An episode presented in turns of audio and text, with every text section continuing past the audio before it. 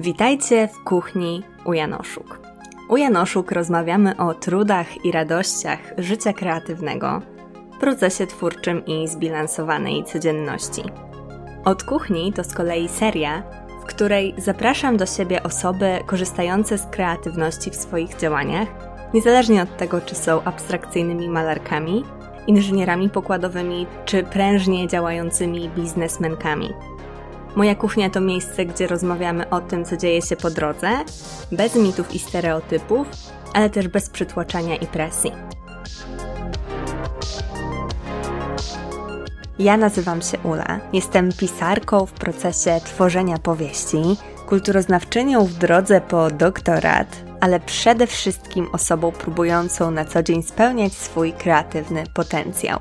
Dziś w kreatywnej kuchni jest ze mną Aga Naplocha, znana w internecie także jako The Awesomes. Cześć Aga. Cześć Ula. Bardzo miło mi Cię powitać w mojej kreatywnej kuchni. I jak zawsze w odcinkach z tej serii zaczniemy od stałych pytań, zawsze takich samych, po to, żeby w drugiej części przejść do zaproponowanego przez Ciebie tematu, czyli łączenia kreatywnych kropek, tak trochę tajemniczo zapowiem, a o czym to dokładnie będzie, no to musicie słuchać dalej.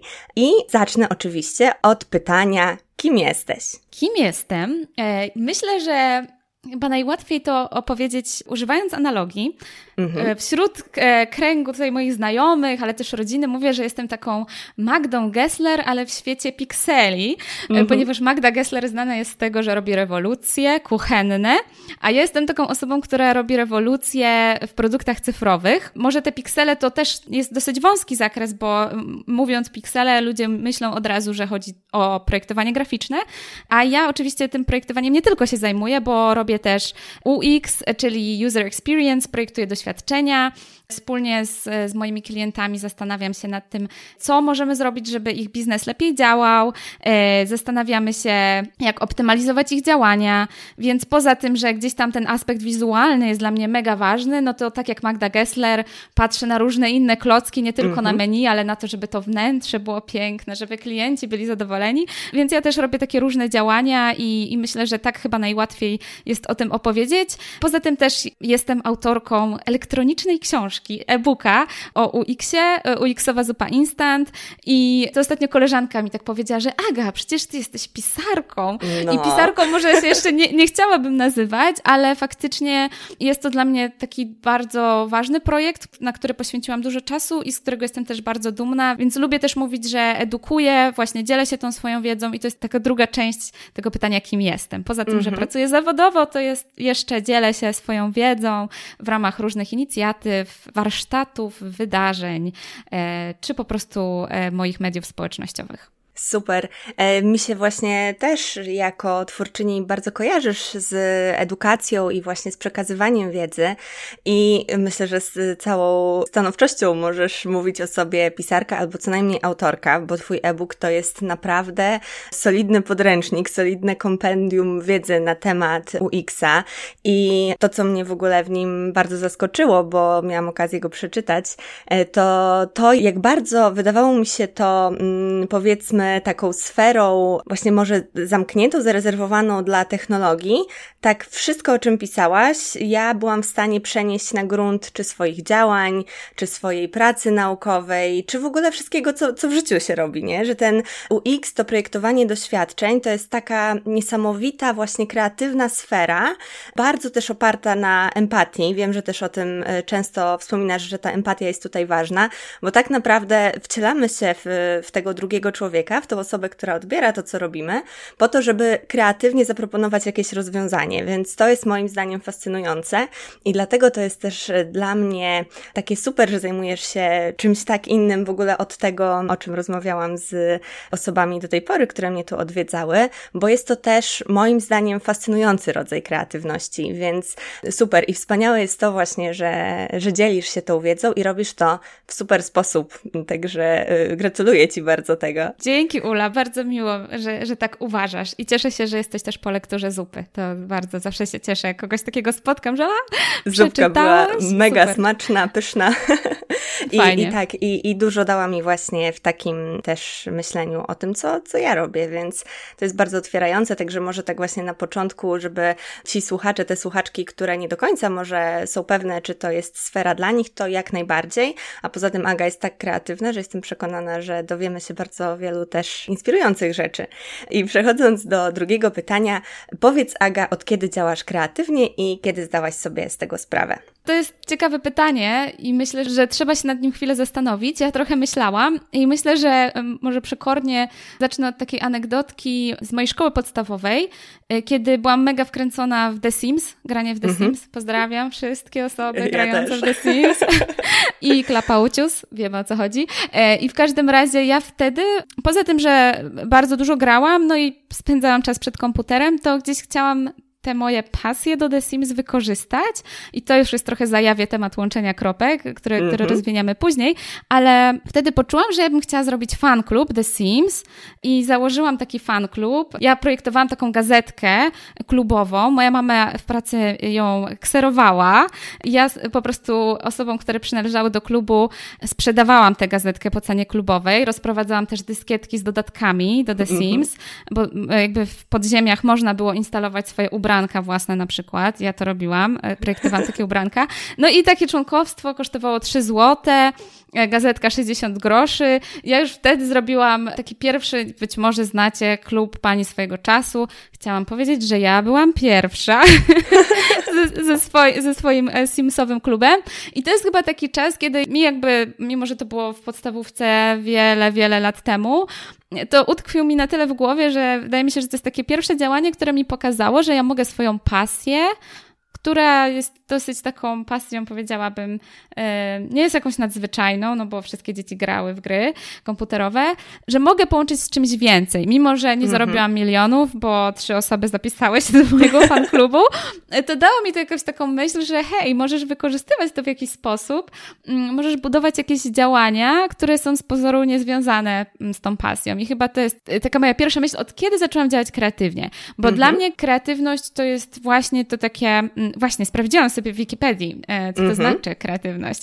E, I e, bardzo utkwiło mi to, że to jest powstawanie nowych idei, koncepcji lub nowych skojarzeń, powiązanie z istniejącymi już ideami, koncepcjami. I wydaje mi się, że to powiązanie właśnie, to łączenie różnych rzeczy, które z pozoru być może nie są jakieś takie spójne, sprawia, że powstaje coś nowego, ciekawego i dla mnie właśnie to połączenie pasji The Sims i powiedzmy pierwszego biznesu, mm-hmm. właśnie zasiało taką myśl, że, że to jest chyba to działanie kreatywne i chyba właśnie od wtedy zaczęłam myśleć, że mogę robić takie rzeczy i że to jest fajne i chciałabym w przyszłości gdzieś tam zajmować się. Wtedy pewnie jeszcze w ogóle nieświadomie, ale teraz z perspektywy czasu myślę, że to był taki punkt, e, kiedy ja sobie zdałam sprawę, że jak chcę, to mogę. Mm-hmm. Że widzisz właśnie, patrząc na twoje późniejsze doświadczenia, że było to coś takiego, co też wydaje mi się jest dosyć charakterystyczne do tego, w jaki sposób działa działasz też później, działałaś też później po już y, zamknięciu tego Simsowego membershipu, nie? Tak. E, ale to jest niesamowite. Ja też jestem, bardzo lubię w ogóle, y, jak na Wikipedii, uważam, że to jest zaskakująco dobra definicja, bo znaczy to nie tak, że Wikipedia nie ma dobrych definicji, ale mnie zawsze y, w, na uczelni uczą, że Wikipedia to nie ma, nie można się na Wikipedię powoływać, ale akurat uważam, że jeżeli chodzi o definicję kreatywności, to Wikipedia bije na głowę słownik języka polskiego PWN, bo tam to jest w dużo bardziej ograniczony sposób opisane, teraz nie pamiętam dokładnie jaki, ale właśnie ten aspekt łączenia moim zdaniem jest bardzo istotny w ogóle, właśnie leży w istocie kreatywności i że bardzo często myśli się o kreatywności jako o generowaniu czegoś z niczego, ale bardzo często to jest generowanie czegoś z czegoś. E, I właśnie w tych połączeniach, w tej synergii tych różnych rzeczy tkwi największa siła. Pamiętam, jak oglądałam Twój webinar też o kreatywności, podlinkujemy go, bo to też jest moim zdaniem super wartościowa rzecz, więc jeżeli chcecie zobaczyć, jak Aga edukuje, to, to koniecznie, bo jeszcze o tych, tych innych sferach edukacji będziemy rozmawiać, ale na pewno tam w opisie znajdziecie link. To e, mówiłaś na przykład o ciasteczkach Reese's, co jest moim zdaniem świetnym przykładem właśnie łączenia tej właśnie czekolady z masłem orzechowym, co było dosyć odkrywcze, więc wiem, że też to łączenie jest y, też dla Ciebie dosyć istotne.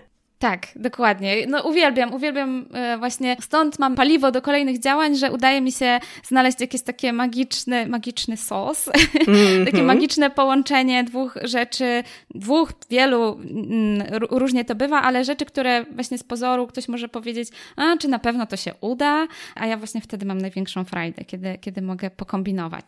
Na pewno, też na przykład y, cały twój e-book, nie? Połączenie kulinariów z UX-em, to też jest coś takiego, o czym też wspomniałaś na wstępie właśnie, że jesteś Magdą Gessler Pixeli. To rzeczywiście jest takie, myślę, że połączenie, na które ktoś w pierwszej chwili mógłby nie wpaść, a jednocześnie to świetnie działa i jest bardzo charakterystyczne dla ciebie, więc y, myślę, że warto mieć odwagę do tworzenia takich często bardzo takich od czapy y, połączeń, które się w pierwszej chwili wydają bardzo ze sobą niegrające, bo często często właśnie im większy ten dysonans pomiędzy składnikami, tym coś ciekawszego może nam z tego wszystkiego wyjść. Dokładnie. A powiedz, Aga, dlaczego zdecydowałaś się korzystać z kreatywności w swoich działaniach? Myślę, że wtedy nie ma nudy po prostu. Każdy sam sobie jakoś tam buduje swoją ścieżkę kariery i decyduje się, jakiego rodzaju pracę chce mieć, właśnie jakie działania w to wchodzą. I wydaje mi się, że są osoby, które lubią jedno tajne y, aktywności i to jest dla mnie też totalnie ok. Ja się odnajduję wtedy, kiedy mam jakieś wyzwania, ale oczywiście też nie może być zbyt wiele tych wyzwań, bo wtedy człowiek się szybko wypala i, i nie ma energii, ale myślę, że właśnie gdzieś taka perspektywa tego, że, że robi się różne rzeczy, że, że robi się tak jak mówisz, coś, co z pozoru innym może się wydawać trochę egzotyczne, mm -hmm. że można też podejmować odważne decyzje, więc dlatego ta kreatywność w moich działaniach i dlatego gdzieś tam, powiedzmy od jakiegoś czasu, jak gdzieś tam bardziej świadomie działam zawodowo, no to wiedziałam, że tak, kreatywność musi być jakoś wpisana te, te moje różne zawodowe działania i to nie chodzi o to, że ja muszę być projektantką, programistką, e, UX designerką, bo jakby tytuły są dla mnie nieważne, to jest jakaś tam wtórna rzecz, ale ważne jest dla mnie to, żeby w tej pracy gdzieś było to pole do kreatywnego działania. Mhm. Te tytuły to jest coś, co jest rzeczywiście dosyć trudne i co też jest trochę podchwytliwe w tym pierwszym pytaniu, które zadaję, bo tytuły dla wielu osób są po prostu dosyć mocno ograniczające i szczególnie kiedy korzystamy z kreatywności w bardzo wielu różnych sferach i sama ta nasza ścieżka kariery czy nasze hobby kreatywne składa się z wielu różnych części, to bardzo ciężko jest uchwycić często to sedno, bo czerpiemy z różnych rzeczy, tak jak chociażby w Twoim przypadku przypadku łączenie tego wizualnego, estetycznego aspektu z tym aspektem doświadczenia, że to jest tak, że te tytuły się namnażają, namnażają i one też nie do końca oddają w pełni to, kim jesteś i że jest coś takiego, że rzeczywiście ciężko jest w tych tytułach, do tych tytułów się przypisać, bo ma się to poczucie, że się zamyka, ale na pewno widzę w tobie taki właśnie gen eksploratorki, nie? Że jesteś mm -hmm, właśnie tak. taką podróżniczką po tych kreatywnych sferach i eksplorujesz eksplorujesz, odkrywasz kolejne tereny i to jest super, bo właśnie tak jak mówisz, nie ma nudy, nie ma nudy, że, znaczy kreatywność w ogóle lubi nudę, czasem fajnie jest się ponudzić, nie? Ale pewnie, pewnie. Ta kreatywność potrafi dać nam bardzo dużo takiej też ekscytacji w życiu, co jest super. A gdzie jesteś na swojej kreatywnej drodze, a gdzie chciałabyś być? Myślę, że jestem na takiej drodze, gdzie nabrałam już trochę odwagi przez te lata doświadczeń, i że chyba chętniej, że tak powiem, wciskam się w różne dyskusje, co kiedyś było dla mnie bardzo trudne. Teraz ciągle jest, ale już jakby chętniej podejmuję działania, e, kiedy widzę, że z czymś się nie zgadzam albo chcę po prostu dorzucić jakąś swoją perspektywę. W związku z moim doświadczeniem widzę też różne perspektywy, różne obszary, więc naturalnie ten mój proces twórczy ma więcej warstw, co też jest, przekłada się na E, po prostu na ciekawsze pomysły. A gdzie chciałabym być? Myślę, że chciałabym być w takim miejscu, gdzie naprawdę potrafię tak zawalczyć też o swoje pomysły, E, bo czasami e, to oczywiście zależy od klienta, projektu, ale często jesteśmy gdzieś tam właśnie w, niestety w ramach tej struktury i mamy nad sobą osoby, które są starsze, nie wiem, mają inne tytuły i tak dalej i niestety do nich należy to ostateczne zdanie i wydaje mi się, że fajnie jest pokazać, że bez względu na doświadczenie, bez względu na to, jaki ten tytuł nosimy, każdy z nas wnosi kreatywne pomysły i ważne pomysły i fajnie jest wziąć je pod uwagę. myślę, że to się zmienia w organizacjach, tak jakby jakby mówiąc generalnie. Nie mm -hmm. mówię teraz o, o stricte o mojej pracy, ale w ogóle tak obserwuję też e, pracy znajomych, to co oni robią i z czym się zmagają, to myślę, że, że to się zmienia i że teraz ta różnorodność, to diversity, o którym się tak głośno mówi, jest ważne i brane pod uwagę, ale chciałabym, żeby to nie było takie wyświechtane hasło, że tak, w naszej mhm. firmie mamy diversity i tak dalej, tylko to jest faktycznie, to przekłada się nie tylko na przykład na liczebność kobiet i mężczyzn w zespole, ale też właśnie na takie otwarcie się. Więc ja bym chciała być w miejscu, kiedy, kiedy pracuję właśnie w takim środowisku, gdzie ta otwartość, ta różnorodność na różne kreatywne pomysły jest spora. Takim bym miejscu chciała być. To jest piękne miejsce i mam nadzieję, że wszyscy i wszystkie do niego dotrzemy w końcu kiedyś, bo to jest bardzo ważne i Myślę, że dla wielu kreatywnych osób jest to dosyć trudny temat, bo często nie mamy jakiegoś wielkiego doświadczenia w działaniu kreatywnym, ale mamy dużo pomysłów. Mamy pomysły na to, w jaki sposób się realizować, w jaki sposób możemy coś usprawnić, komuś pomóc. Bardzo często te właśnie takie, ta inwencja się w nas pojawia, a fakt, że nasze pomysły są u tych początków często deprecjonowane, jakoś umniejszane, że to jest taka, mm, że nie jesteśmy traktowane, traktowani poważnie, to sprawia, że łatwo jest nam się zamknąć, łatwo jest po prostu zrezygnować z tego generowania pomysłów, albo nawet jeśli nie generowania, bo mam wrażenie, że często one gdzieś tam pozostają, to z wychodzeniem z nimi do ludzi.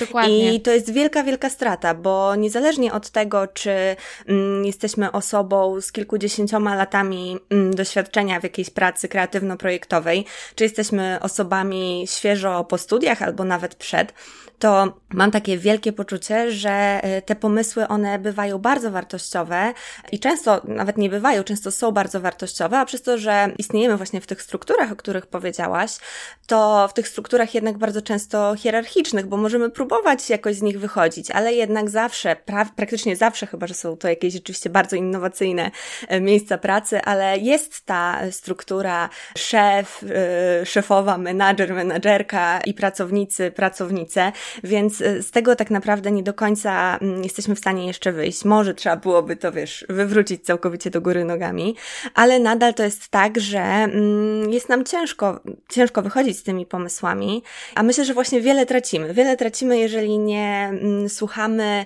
osób, które często z taką wielką świeżością, przez to, że nie są w tych strukturach tak bardzo, e, nie, nie, nie uwiły sobie takiego gniazdka jeszcze bezpiecznego i nie mają utartych schematów myślowych jakichś, bo mimo wszystko jednak w jakiś sposób tam e, oswajamy się z tym środowiskiem i w nie wchodzimy, to myślę, że wiele tracimy, więc fajnie jest doceniać takie e, osoby, które są na przykład u początków swojej ścieżki, niezależnie od wieku.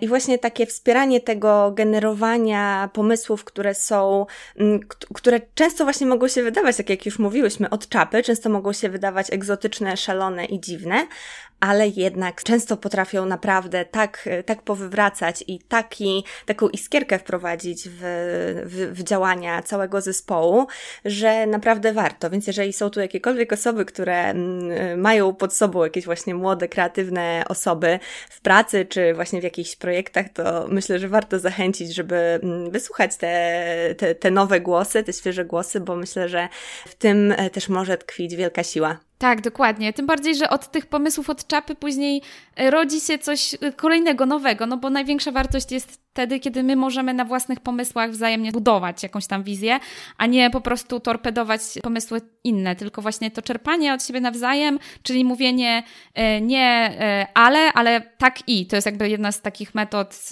na przykład z design thinking, gdzie mhm. właśnie staramy się wzajemnie inspirować, a nie po prostu udowadniać moje, moje jest lepsze niż twoje absolutnie to, to nie jest dobra, dobra metoda, więc tak, jak najbardziej. Super, że to tak pięknie podsumowałaś. E, tak, no właśnie też myślę, że dlatego wiele osób boi się burz mózgów, nie? Właśnie, że jest to takie poczucie, że twój pomysł zostanie skrytykowany, a to przestawienie się na komunikowanie tak i to jest właśnie też myślę z gruntu bardzo takie kreatywne, bo też polega na tym, o czym będziemy dzisiaj, myślę, to już wybrzmiewa jako główny temat, czyli właśnie łączenie, łączenie, łączenie, jeszcze raz łączenie, że właśnie właśnie siła tkwi w różnorodności i w tym tworzeniu różnorodnych połączeń. Przechodząc do kolejnego pytania, powiedz w jaki sposób wygląda Twój kreatywny proces? Myślę, że jest on bardzo różnorodny e, i w zależności od projektu się zmienia, ale są takie pewne punkty charakterystyczne. Dla przykładu, spotkałam się ostatnio ze znajomą, która e, potrzebuje pomocy UX-owej przy swoim sklepie internetowym I rozmawiałyśmy o tym długo, jakby jak to technicznie teraz u niej wygląda, z czym ma problemy, co by chciała zmienić. E, I ja tak sobie z nią rozmawiałam i mówię, słuchaj, ale jak w ogóle wygląda to doświadczenie twojej klientki, ponieważ ona ma bardzo specy specyficzne klientki, bo szyje też specyficzne ubrania. I się zaczęłam pytać, jak to wygląda, jakby jakie, przez jakie kroki ona przechodzi, jak w ogóle to jej doświadczenie e, się prezentuje. I wtedy zaczęły mi się po pojawiać jakieś kolejne pomysły, co można by było zrobić, usprawnić, żeby żeby, ta jej marka jeszcze mocniej wybrzmiała. No i to jest taki przykład, że w tym moim kreatywnym procesie jest tak, że ktoś się do mnie zgłasza z jakimś problemem, ale zazwyczaj patrzę, jakby co jest jeszcze na horyzoncie, co ja jeszcze mogłabym zrobić, żeby jakoś te, te, te kropki właśnie połączyć. Więc wydaje mi się, że też to, co wszczepił we mnie mój szef w pracy, going an extra mile. I mamy taką właśnie filozofię w pracy, że zawsze jeśli coś robimy, no to robimy tam dodatkową milę, gdzieś tam pokonujemy, robimy coś dodatkowego, mm, bo, bo to tak naprawdę e, wybija nas trochę spośród mm -hmm. innych. Więc wydaje mi się, że w tym, w tym, moim procesie ważne jest to, żeby e, właśnie gdzieś tam dostrzec jeszcze jakieś takie potencjalne inne zakamarki, które na początku nie wybrzmiewają, przynajmniej ze strony klientki, klienta, ale ja gdzieś tam to dostrzegam i być może później się okaże, że, e, że to jest jakby już zbyt drobiazgowe albo że mm, może to nie przynosi aż takich korzyści, e, ale jednak staram się zawsze gdzieś szukać tych takich jeszcze miejsc do usprawniania. Więc chyba, chyba to jest e, takie charakterystyczne w tym moim procesie. Mm, no a poza tym to oczywiście jest w tym e, moim procesie miejsce na taką pracę indywidualną, którą bardzo lubię, bo jednak nie mogłabym codziennie spędzać wielu godzin na spotkaniach. Myślę, że to jest dla mnie w pewien sposób wyczerpujące, takie mhm. energochłonne. Lubię mieć ten czas, kiedy mogę się zastanowić, kiedy mogę sobie pobazgrać, ale ważne też jest dla mnie to, żeby zdarzyć gdzieś te moje pomysły z tą drugą stroną i jakieś takie wszelkiego rodzaju warsztaty, rozmowy, jakieś nawet gry, powiedziałabym, z pozoru infantylne, które mogą przynieść jednak jakieś ciekawe rozwiązania. Więc myślę, że ten mój proces gdzieś tam się składa z takich dwóch części. Jednej, gdzie ja dopuszczam bardzo ten głos klienta, a drugiej, jeśli mówimy o takich projektach komercyjnych, a, a, a druga część, gdzie pracuję mocno samodzielnie. No oczywiście są też takie moje projekty poboczne, jakieś pomysły, na, na które wpadam i tam później realizuję po godzinach. No to ten proces jest mocno, mocno chaotyczny mhm. i myślę, że, że zmienia. Też wydaje mi się, że, on się zmienia. To jest chyba fajne, bo ja jakby lubię działać w jakichś tam powiedzmy ramach, ale z drugiej strony szybko się nudzę, więc lubię dużo rzeczy zmieniać i myślę, że kiedy robię projekty dla siebie, to są one takie mocno. Taką są czasem jazdą bez trzymanki. Tak, to jest, to myślę, że jest dosyć y, powszechne, że szczególnie jeżeli właśnie dzielimy ten swój, tę swoją kreatywność na te różne sektory, to często to, co jest y, na przykład w pracy ustrukturyzowane, no to poza pracą jakoś sobie odbijamy w tym kreatywnym chaosie i to jest super. Ale w ogóle myślę sobie, że to jest coś, co możemy bardzo, niezależnie od sfery, w której kreatywnie się poruszamy, coś, co możemy z dużą uważnością czerpać z UX-a, to jest właśnie to, o czym powiedziałam powiedziałaś, że to są u Ciebie to są właśnie te dwie sfery. Ta sfera polegająca na kontakcie z, z innymi, na tej interakcji, a druga właśnie ta indywidualna, bo z tego, co przeczytałam w Twoim e-booku, to e, ta sfera właśnie i, i researchu, ale też sprawdzania, właśnie prototypowania, sprawdzania w jaki sposób nasze rzeczy działają, jest moim zdaniem czymś fantastycznym, bo bardzo często jako osoby kreatywne, też często introwertyczne, ja też się borykam właśnie z tym, że często brakuje mi, e, często właśnie wytracam tę energię w kontakcie z innymi ludźmi, więc jakby tak z, mm, z marszu z reguły odrzucam jakieś takie propozycje e, kontaktu. Przynajmniej tak robiłam kiedyś. Teraz już staram się bardziej właśnie tak e, aktywnie wychodzić do świata i, i podejmować jakieś interakcje, ale że często potrafimy się zamknąć właśnie w tej swojej kreatywnej bańce i tylko opierać się na swoim kreatywnym procesie indywidualnym i to moim zdaniem bardzo często może prowadzić do wypalenia albo do takiego trochę, wiesz, biegania jak w takim chomiczym kółku, że nie docierają do nas nowe bodźce, a uważam, że w ogóle nowe bodźce to jest coś fantastycznego, coś, co bardzo naszą kreatywność karmi, a jeżeli one są od innych ludzi, jeżeli właśnie zastanowimy się nad tym, w jaki sposób na przykład, czy to jest nasz projekt, czy to jest nasze dzieło, czy to jest cokolwiek, w jaki sposób ono już mm, w tym takim e, pierwszym e, momencie, kiedy myślimy o tym, w jaki sposób chcemy je stworzyć, jeżeli zastanowimy się, jaka jest potrzeba, jeżeli porozmawiamy z innymi osobami na temat tego, w jaki sposób one na przykład obcują chociażby z literaturą albo z czymkolwiek, o czym myślimy w tych naszych e, kreatywnych działaniach, to to może nam bardzo pootwierać nowe klapki. I tak samo właśnie sprawdzanie to jest moim zdaniem dosyć e, trudny aspekt kreatywności, no bo wiadomo, że jeżeli tworzymy coś takiego swojego, to jest takie nasze wychuchane stworzenie, dzieciątko, którego chcemy narażać na krytykę, boimy się tego, że właśnie ktoś e, źle odbierze to, co stworzyłyśmy, stworzyliśmy, boimy się tego, że to nas jakoś zablokuje, więc często nie dzielimy się tym światem e, tak, jakbyśmy być może by, by było fajnie się dzielić, ale jednak wyjście z tym do świata i sprawdzenie, w jaki sposób te nasze rzeczy działają, jest czymś, no czymś fantastycznym, bo to potrafi bardzo, bardzo ulepszyć zarówno to, co tworzymy i bardzo nas rozwinąć w tym wszystkim. Więc myślę, że tutaj, szczególnie właśnie zwracając uwagę na Twoją pierwszą sferę, to myślę, że nawet jeżeli jesteśmy osobami introwertycznymi, no to fantastycznie jest spróbować chociaż w jakimś przynajmniej zaufanym gronie te swoje kreatywne działania sprawdzać właśnie, próbować łączyć z innymi ludźmi. Więc to jest super, że to też w ten sposób u Ciebie wygląda i, i że możemy się tego nauczyć właśnie z, z UX-a też. Tak, zdecydowanie. Takie zderzanie pomysłów z innymi osobami totalnie polecam. Tak jak wspomniałaś właśnie, ja, ja też e, lubię działać samotnie, bo wtedy mam wrażenie, że najlepiej mogę skomasować tą energię w odpowiednie miejsca, mhm. ale też zauważyłam, że wyjście do ludzi i ta interakcja dostarcza dużo ciekawych przemyśleń, ale też takiej iskierki, e, która, która jest bardzo potrzebna. Tak, także zachęcamy, myślę, obie do tego, żeby te swoje pomysły zderzać jednak z odbiorcami, odbiorczyniami, bo to jest, bo to jest mega fajne i też potrafi naprawdę dużo wnieść do wszystkiego, co robimy.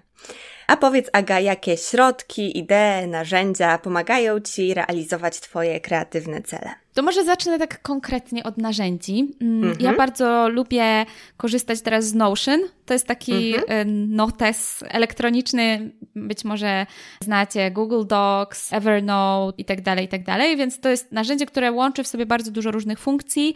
Mm, można tam tworzyć jakieś różne szablony, checklisty, więc to jest teraz coś, co mam zawsze pod ręką. Narzędzie, w którym trzymam bardzo wiele różnych pomysłów, w którym trzymam nawet oferty dla klientów, więc mogę tam szybko zajrzeć i, i sobie coś tam poklikać, ponotować.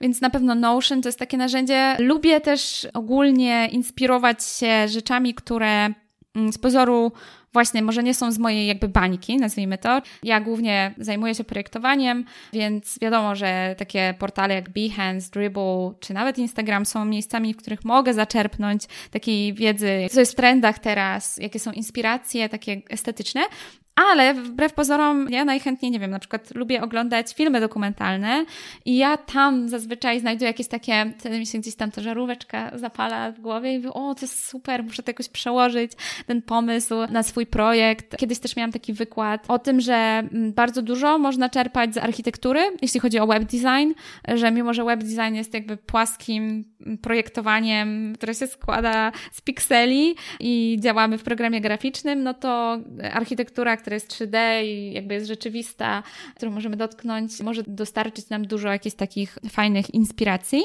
Ja lubię szukać zazwyczaj tych inspiracji gdzieś tam na zewnątrz.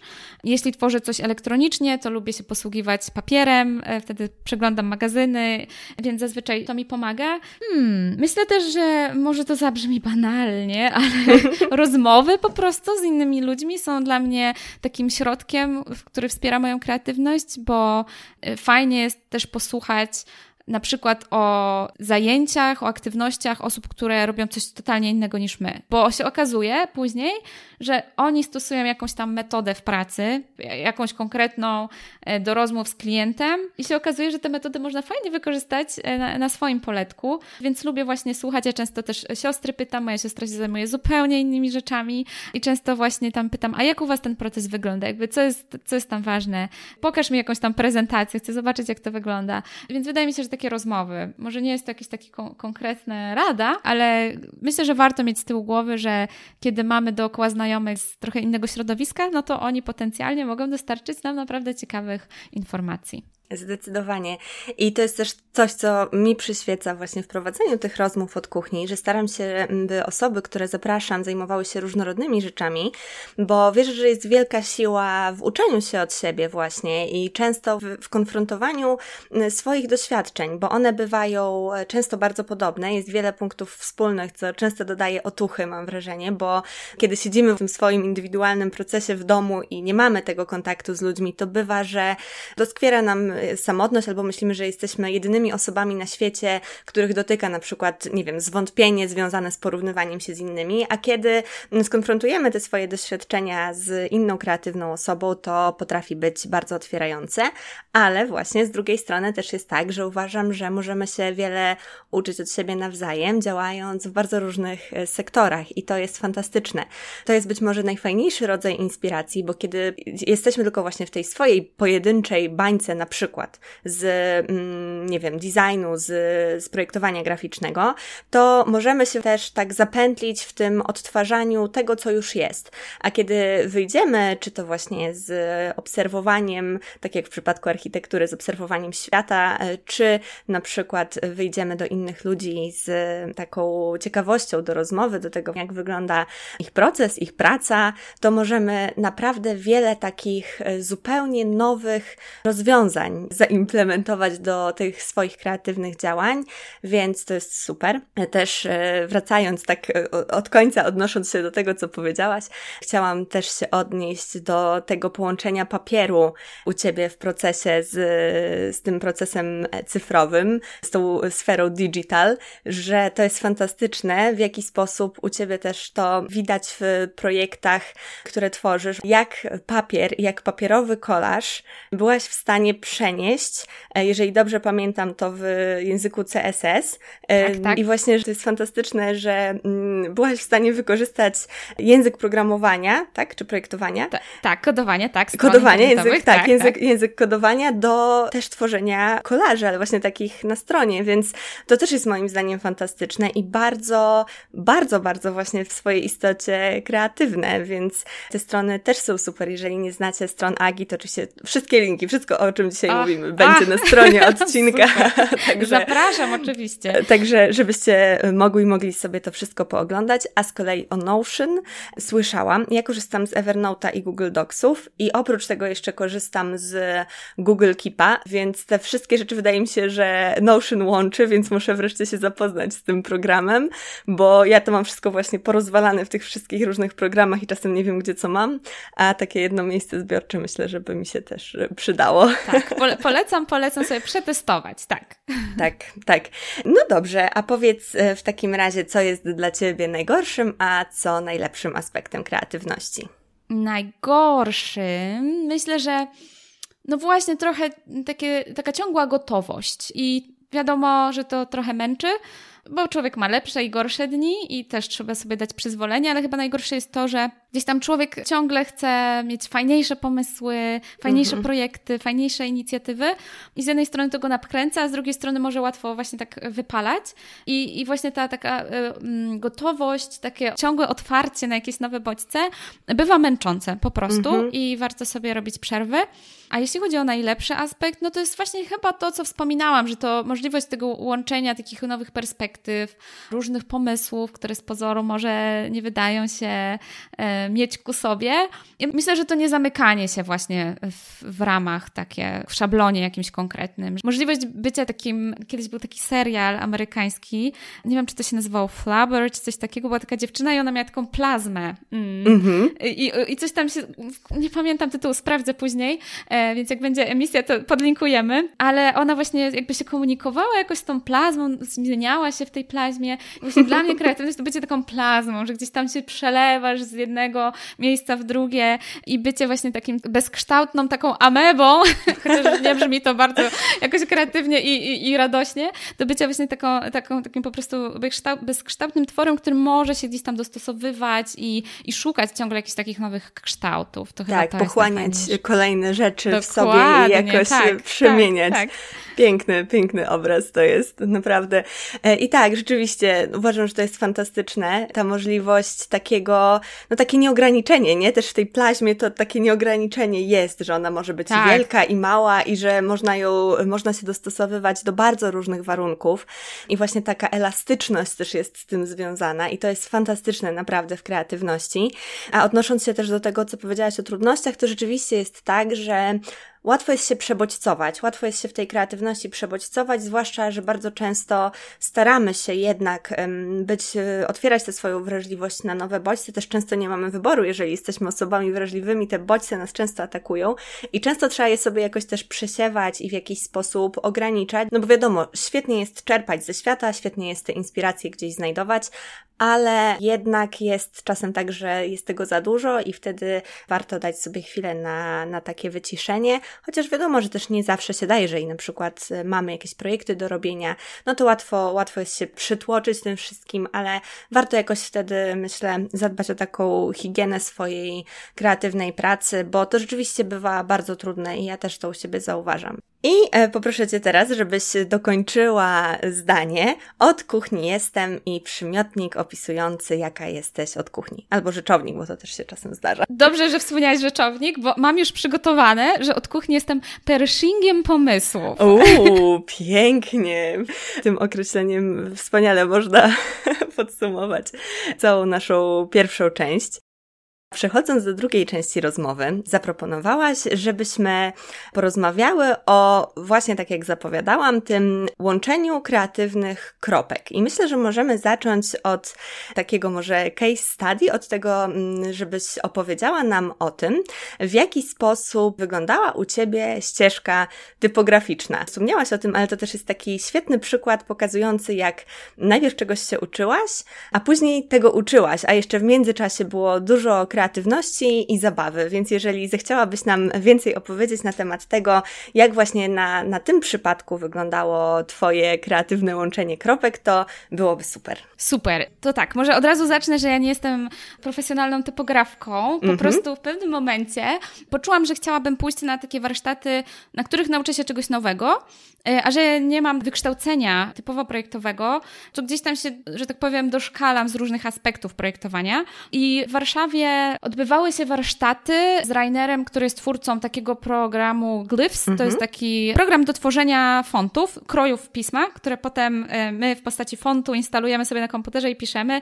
Wszyscy z nami Comic Sansa i tak dalej, i tak dalej. tak Więc jest. każdy może sam, sobie takiego Comic Sansa stworzyć samemu, samej. Ja poszłam na te warsztaty, ponieważ Rainer poruszał taką kwestię e, po pierwsze wprowadzenia jakby do tego Glyphsa, a druga rzecz to opowiadał o variable fonts. To jest variable Variable Typography, czyli to jest taka zmienna typografia, to jest taka wielka rewolucja w zakresie typografii takiej cyfrowej.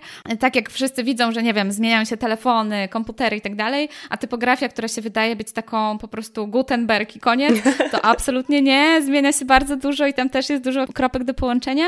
Może nie będę tłumaczyć Variable Typography, chętne i chętnych odsyłam do Google'a, e, czy tam mogę też jakiś link fajny znaleźć, bo kiedyś też napisałam jakiś taki mini artykuł na Medium, ale to było tematem tych warsztatów, Ja chciałam się tego nauczyć od specjalisty, eksperta, który jest ceniony na całym świecie i poszłam na te warsztaty.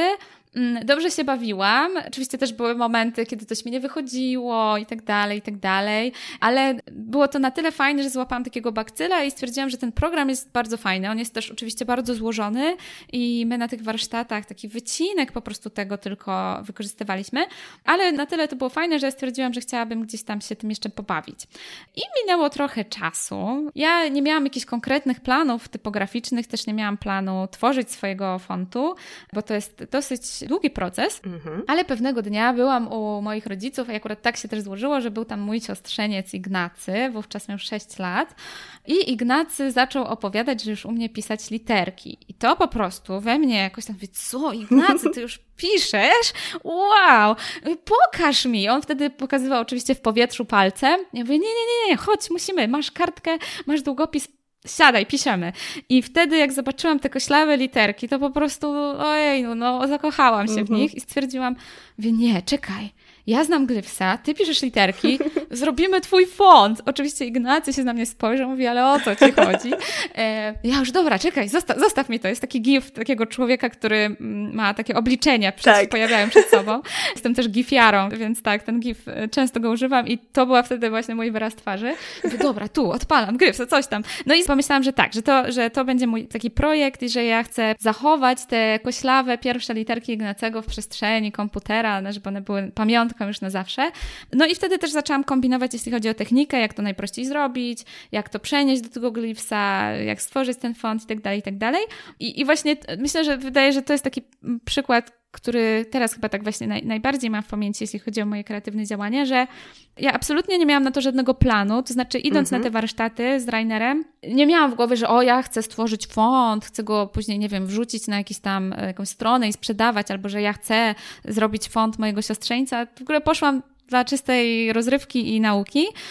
No i później po jakimś czasie, bo to było, nie wiem, kilka tygodni chyba nawet po tych warsztatach, zobaczyłam tego Ignacego w zupełnie w innym kontekście, w weekendowo-domowym, mm -hmm. więc mhm. zupełnie nie myślałam wtedy o pracy i gdzieś tam mi się zaświeciła ta lampka, że jest Ignacy, jest Glyphs i że ja mogę to połączyć. Mm, no i to jest taki projekt, który też pokazuje, że ja zrobiłam to totalnie dla siebie, dla rodziny, dla Ignacego. Mam nadzieję, że po latach będzie mi wdzięczny za, za Ignacy Font. Dokładnie. O Ignacym jeszcze chwilę wspomnę, bo też wystąpił w moim e-booku, tak. E, więc to jest wykorzystałam jego stały twój współpracownik. Tak, tak. No to tylko teraz szybko zdradzę, że Ignacy też jest współautorem ilustracji, które mhm. są w e-booku. E, więc wspólnie razem tworzyliśmy też tę warstwę wizualną. E, no i Ignacy, stworzyłam jego font i wrzuciłam to oczywiście do sieci. Chciałam się podzielić z tym mini projektem. No i wtedy w ogóle dostałam ogrom wspaniałych wiadomości, takich bardzo wzruszających, że, że jest to super projekt, taki bardzo chwytający za serce. I zaczęły się głosy, że a może by zrobić warsztaty mhm. stworzenia swojego fontu, e, ze jakby fontu opartego na piśmie odręcznym. No i wtedy mówię, no dobra, no to robię. I, i zorganizowałam warsztaty, które były warsztatami płatnymi, zorganizowałam tam salę i tak dalej, więc jakby jest to też projekt po części komercyjny, no bo właśnie były biletowane i to pokazało, że od tych warsztatów z Rainerem, za które też zapłaciłam mhm. i jakby to była dla mnie inwestycja taka edukacyjna, wyszłam od tego, że opracowałam swoje takie autorskie warsztaty, które później też prowadziłam online i po prostu no, stworzył się oczywiście też w mojej głowie pomysł, że mogę stworzyć kurs online i mam to w planach od wielu miesięcy. Nie idzie to póki co do przodu, ale może to zobowiązanie publiczne pomoże mi wrzucić to w kalendarz, ale bardzo bym chciała, bo dostaję dużo zapytań w tym temacie. No a poza tym jest ten aspekt oczywiście taki sentymentalny, mm -hmm. aspekt Ignacego. Tak. Więc to jest dla mnie właśnie taki wymarzony, y, przynajmniej modelowy z mojej perspektywy, z moich jakby projektów, proces kreatywny, który chciałabym, żeby się częściej powtarzał. Czyli jakby zaczynam coś i później kończę w ogóle czegoś się totalnie nie spodziewałam, w totalnie innej dziedzinie i dla mnie też mocno rozwojowy projekt. To jest piękne w kreatywności, że jeżeli nie robimy czegoś z konkretnym zamiarem i w ogóle, że po prostu jeżeli robimy jakieś rzeczy dla własnego rozwoju, dla własnej przyjemności, że one gdzieś tam cały czas w nas są, gdzieś tam w tej warstwie naszych doświadczeń się odkładają i czasem właśnie impuls, który pojawia się jakiś czas później, wspaniale aktywuje różne rzeczy, które w naszej przeszłości już były. I to jest fantastyczna droga właśnie od tego, że ty sama czegoś chciałaś się nauczyć, przez te takie połączenie kreatywne i takie bardzo radosne i wynikające czy z takiego sentymentu, czy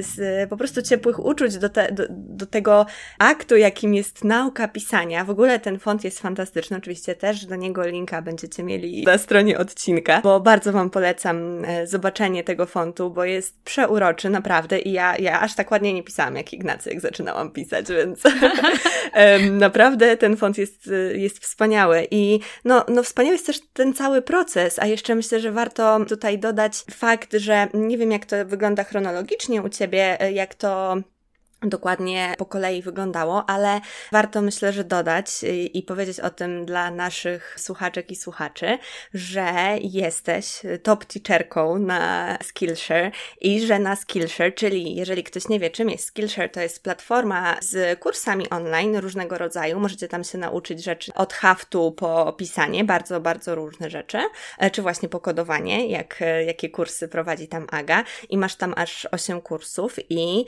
naprawdę bardzo bardzo chętnie oglądanych. Nie wiem, czy te kursy były zanim poprowadziłaś te warsztaty typograficzne? Tak, pierwszy kurs pojawił się trzy lata temu. Mhm. Tak, trzy lata temu w maju, więc w maju stuknęły mi trzy lata bycia nauczycielką na Skillshare.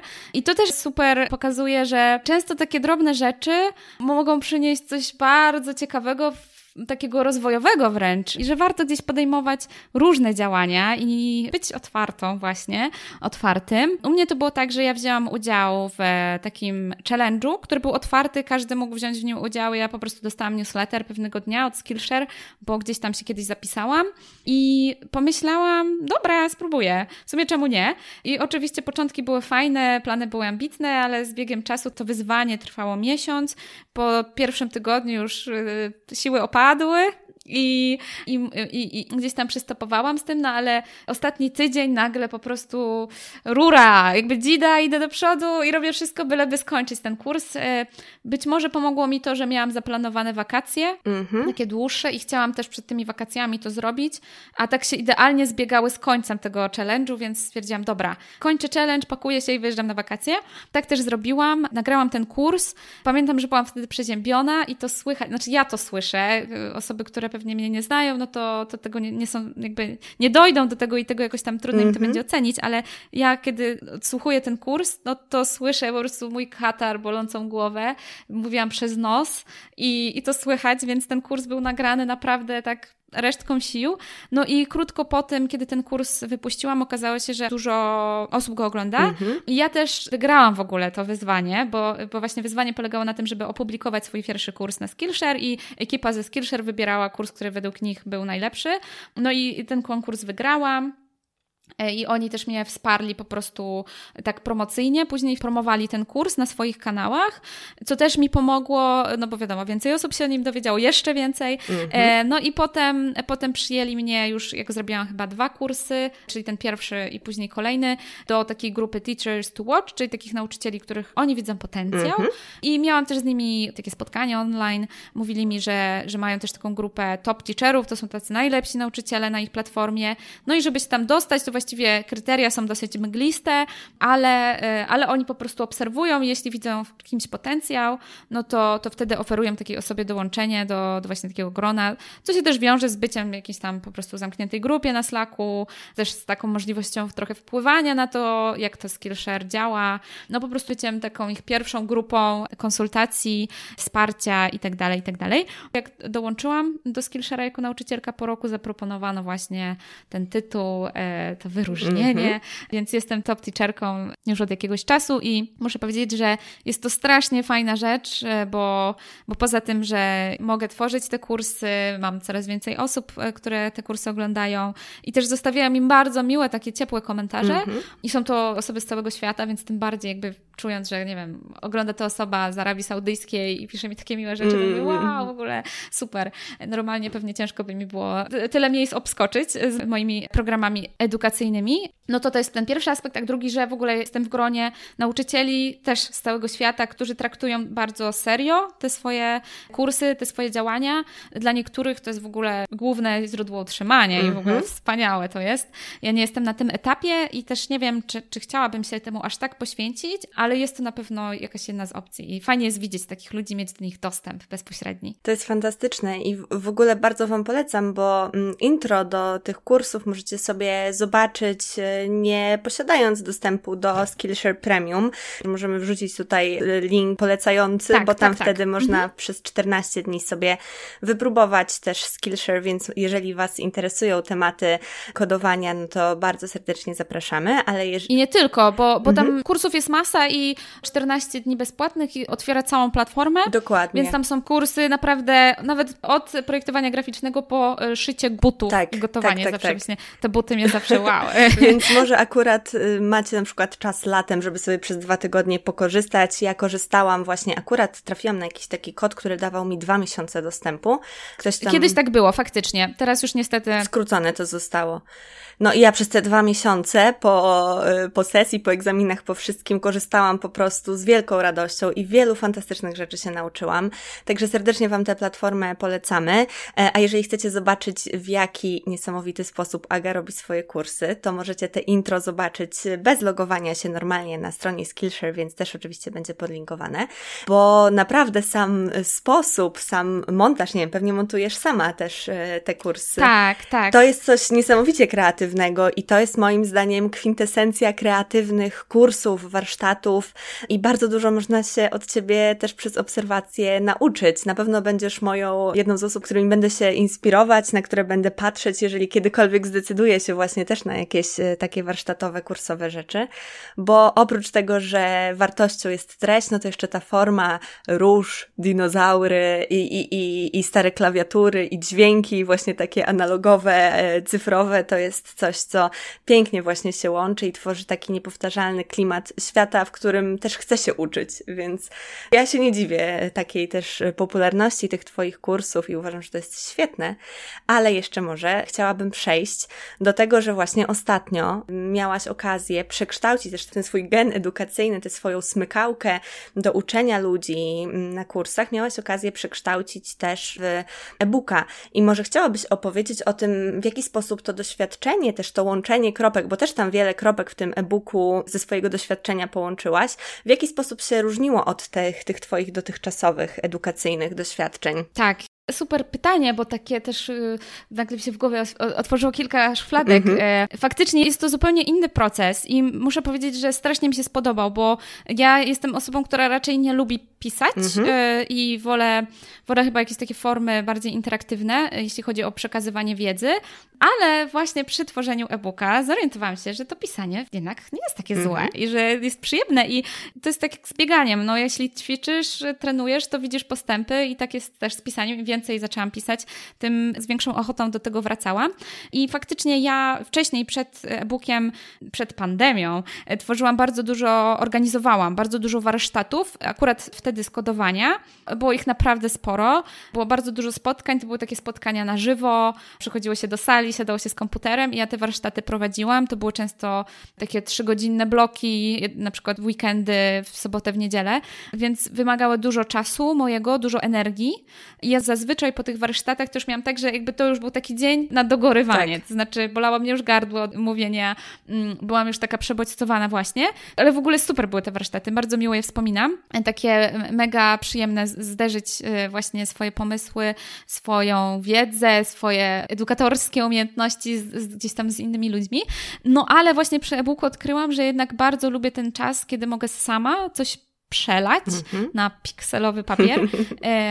Ten proces tworzenia e-booka był dla mnie strasznie fajny. Oczywiście bardzo intensywny w pewnym momencie, kiedy już wiedziałam, że muszę go wypuścić w jakimś tam okresie czasu, bo nie mam, miałam inne projekty i tak mm-hmm. dalej, więc byłoby mi już ciężko to przesuwać, więc musiałam też wrzucić na piąty bieg, mm-hmm. ale ten czas, kiedy właśnie pisałam, to było super, bo właśnie mogłam się skupić, mogłam robić research, no i totalnie, totalnie polecam też spróbowanie, może jak ktoś nie ma w planach od razu startować z e-bookiem, to może jakieś forma bloga, jakieś cykli na Instagramie, bo u mnie się to tak zaczęło, że zupka się zaczęła na Instagramie -hmm. i mhm. dostawałam głosy, że, że to jest super, że więcej, że ludzie chcą więcej. No, Instagram nie jest najlepszym miejscem na dłuższe tak. formy tekstowe, więc. Ale też więc polecamy razu... Twój newsletter w tym miejscu. Ja też zaczęłam o, niedawno pisać newsletter i uważam, że to jest też e, fantastyczna forma, żeby się sprawdzić właśnie, czy takie dłuższe formy pisane, nie tylko opisy w stories czy pod zdjęciem się sprawdzają, bo ja zauważyłam, że to jest niesamowita opcja, do tego właśnie jest też bardzo intymna, jest taka, że właśnie wie się, że się trafi do czyjejś skrzynki, a nie, że to będzie całkowicie upublicznione, więc też jest to inna forma, a dodatkowo można się sprawdzić w takim trochę dłuższym pisaniu, więc też, e, też myślę, że warto ten newsletter Agi sobie zasubskrybować i sobie popatrzeć. I twój, Ula, ja, ja w takim razie po, po podcaście od razu pędzę. Zapraszam. Bo w ogóle uwielbiam czytać newslettery, więc cieszę się, że, że też e, piszesz swój. Bardzo miesiąc fajnie. Miesiąc temu zaczęłam e, i co miesiąc piszę. Bardzo fajnie się totalnie z tym zgadzam. Także właśnie taka forma trochę takiego bycia samej ze sobą też jest potrzebna. No i w ogóle ten proces też był taki, że ja dużo rzeczy chciałam i zrobiłam finalnie sama, bo chciałam się ich nauczyć mhm. i w ogóle ten, ten cały mój proces miał jakieś tam oczywiście, e, był taką wyboistą drogą i wpadłam właśnie na taki pomysł, że chciałabym się podzielić w ogóle tym całym procesem, więc mam w planach napisanie e-booka o tym e-booku. Ale to jest super, bo też wysłałaś właśnie newsletter na ten temat, napisałaś i cały ten proces, jeżeli chce się to zrobić właśnie dobrze, z myślą o użytkownikach, użytkowniczkach, czytelnikach, czytelniczkach i też z zadbaniem o, o wszystko, też o wszystkie sfery, od graficznej, od składu, po e, korektę i po redakcję, to myślę, że dla wielu osób też to mm, byłoby bardzo pomocne, bo jest to jednak proces, który wydaje się być na początku czymś mega prostym, a jest to jednak coś, e, co składa się z wielu warstw. Dokładnie, więc też chciałabym pokazać, z czym ja się zmagałam, jak to można rozwiązać lepiej, szybciej, no bo wiadomo, też po drodze popełniłam kilka błędów. Ale się nauczyłaś e, wiele też. Ale się nauczyłam, dokładnie. Więc, więc to było super i jeszcze tylko tak na, na zakończenie powiem a propos tego procesu i łączenia tych kropek, że ja miałam w planach w ogóle zrobić e, na własną rękę takie fotografie do, do tego e-booka, zdjęcia, taką trochę taki set design, -hmm. bo mhm. zawsze e, chciałam się w tym podszkolić i, i zaczęłam już to robić, jakby przyszykowałam sobie jakieś tam e, rekwizyty, jakieś takie próbne zdjęcia i potem się zorientowałam, że ja tych rozdziałów będę mieć tam z 15 i że chciałam, żeby każdy rozdział otwierał właśnie takie dedykowane mm -hmm. zdjęcie i że ja w ogóle nie zdążę, w ogóle nie ma opcji. No i wtedy szybko kroczyła myśl, właściwie to jest moja znajoma powiedziała, że coś tam się zaśmiała, że Ignacy. Ja mówię, tak, Ignacy, przecież Ignacy może zrobić ilustrację. W ogóle dlaczego o tym wcześniej nie pomyślałam, więc szybki briefing Ignacego, Ignacy znowu, e, ale o co chodzi? E, więc wytłumaczyłam mu, oczywiście ustaliłam z nim stawkę, jestem e, odpowiedzialną autorką, płaciłam, tak płaciłam jest. za ilustrację, e, więc wspólnie z Ignacym tworzyliśmy te ilustracje, a potem je jeszcze przerabiałam, e, no i zaoszczędziłam też dużo czasu e, dzięki temu, no bo gdybym robiła te fotografie, to w ogóle nie ma opcji, więc to też pokazało mi, że jakby no trzeba dynamicznie działać i jakby okej, okay, może mieć w głowie najpiękniejszy Bóg świata, ale potem przychodzi rzeczywistość i musimy te plany no, I wtedy zmieniać. wchodzi kreatywność i podpowiada Dokładnie. w jaki sposób można zrobić to inaczej, lepiej i jak połączyć. Twoje tak. wcześniejsze doświadczenie z tym, co robisz teraz. Dokładnie. Więc myślę, że to jest fantastyczna klamra zamykająca tę naszą rozmowę. E, bardzo Ci za nią dziękuję. Na zakończenie jeszcze chciałabym, żebyś powiedziała, gdzie możemy Cię w internecie znaleźć. Jasne. E, myślę, że ten wspomniany newsletter sklep uxinstant.pl newsletter, na pewno link znajdzie się w opisie, jak Oczywiście, już Ula, Ula tak. wspominałaś e, wielokrotnie, więc newsletter myślę, że to jest takie numer jeden, bo tam chyba najwięcej jakichś takich zdradzam różnych kulis z mojej pracy. Poza tym oczywiście Instagram, The Awesomes oraz e, na Facebooku jest już mnie trochę mniej, ale też działam na LinkedInie jako The Awesomes, ale też pod moim imieniem i nazwiskiem Agnieszka Naplocha. Zazwyczaj jestem Agą, ale na LinkedInie jest to miejsce oficjalne, więc niech mhm. będzie, za Agnieszką, ale preferuję Aga, e, więc tam mnie na pewno znajdziecie. Tak, i Skillshare też Wam podlinkujemy. Oczywiście, zapraszam. Dzięki Ci bardzo, Aga. Myślę, że to była bardzo wartościowa rozmowa. Ja uwielbiam rozmawiać też na temat edukacji, więc to było dla mnie fantastyczne. Bardzo Ci jeszcze raz dziękuję za przyjęcie zaproszenia do mojej kuchni. Super, Ula, bardzo, bardzo Ci dziękuję. Świetnie mi się z Tobą rozmawiało. I polecam I wszystkim subskrybowanie Uli yy, na jej newsletterze. Mam nadzieję, że ten odcinek był dla Was wartościowy. Jeśli tak, to nie zapomnijcie podzielić się nim z kimś, kto mógłby z niego skorzystać, albo udostępnijcie go na swoich mediach społecznościowych. Jeśli zrobicie to na Instagramie, oznaczcie mnie, żebym mogła Wam podziękować.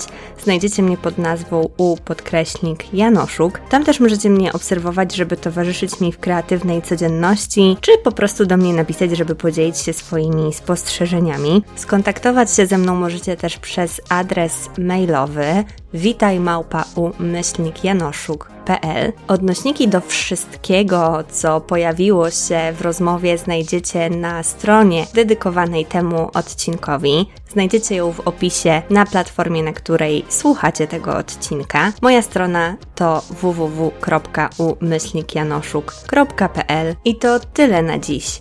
Mam nadzieję, że do usłyszenia w kolejnym odcinku. Pa!